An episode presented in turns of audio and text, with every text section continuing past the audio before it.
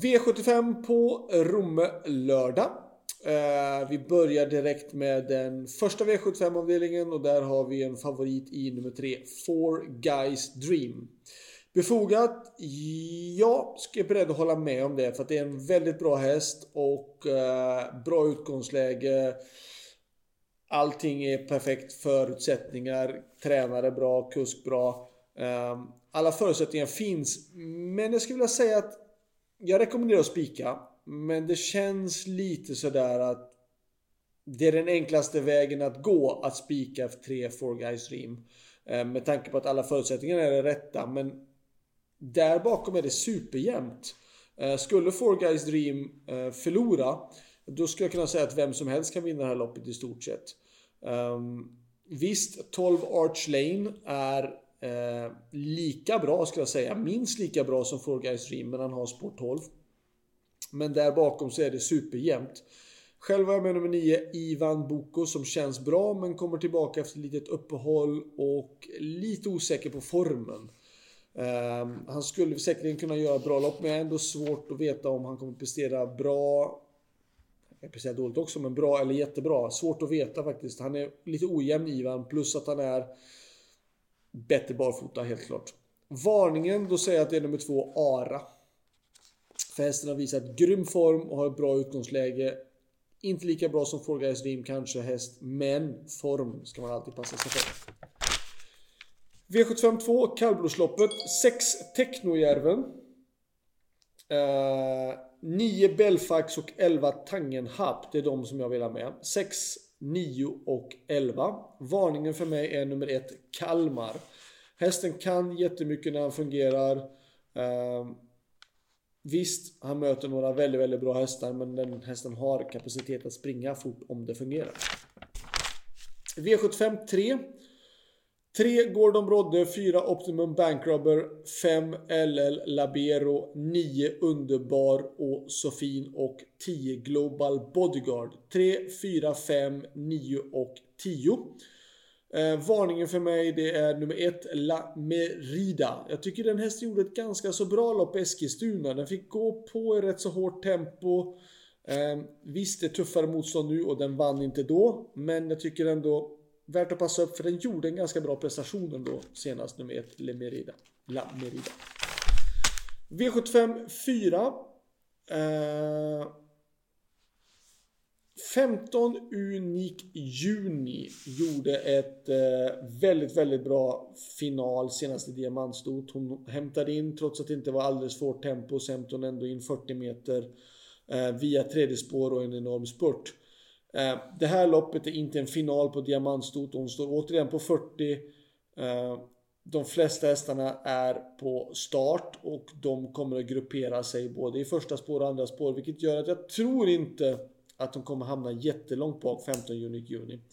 Hon kommer vara en svår nöt att knäcka. Eh, värst emot, tre Cabor Boko som, som vi har med. Hon känns bra. Det man dock bör beakta lite grann med Kabo Boko det är att hon är redan klar för finalen och den är nästa söndag och hon är inte preppad för att vara allra, allra bäst just nu bara för det utan det är meningen att hon ska vara bra nästa söndag. Men hon kommer säkert prestera bra, det tror jag. Och hon har ett bra utgångsläge. Eh, hon är bra iväg i voltstart, hon går bra i ledningen, hon kommer säkert göra bra lopp. Men tanken är ändå att hon ska vara klart mycket bättre nästa vecka. Eh, Värst emot då såklart är ju då 15 juni, juni. Och sen så vill jag varna för en häst som jag tycker gick ruskigt bra på Eskilstuna. Eh, och hade två speeder. Normalt sett tycker jag en häst har en speed. Ehm, eller 1,5. Inte två speeder. Det är inte många hästar som har två speeder. Det är inte många som orkar att dels köra stenhårt från start eh, och sen orka speeda till slut. Utan det brukar bli en halv, halv mesyr från början och rejält till slut eller tvärtom. Ehm, men Isola Silvåkra gjorde ett jättebra lopp på Eskilstuna och brände två rejäla speeder och orkade, ehm, orkade med den andra speeden till mål. Och jag kan tycka att två Isola Silvåkra är... Pass upp på den kan jag säga. Likadant nummer 9, Loaded Laila. Um, skulle kunna få loppet därifrån. Man vet aldrig om det blir väldigt många hästar i andra spår så skulle det kunna förhindra i sådana fall för 15 juni. juni. Men För mig är det ändå rankingen 15, 3, 2. Sen då varningen nummer 9. V75 5. 4 miljon dollar Rhyme är ju ett riktigt bra slag och jag tror att han kommer att vinna det här loppet. Uh, för det är inte så jättehårt motstånd. Um, om jag nu säger att typ varningen i loppet är nummer två On-Track Piraten som, har som, har, som är 13 år. Um, visst, han kan gå bra på vintern, On-Track Piraten, men jag säger ändå Million Dollar Rhyme är nästan hälften så gammal som On-Track Piraten och Million Dollar Rhyme har varit ute och mött tuffare motstånd och visat jättebra form. Och det här loppet ska han vinna tycker jag.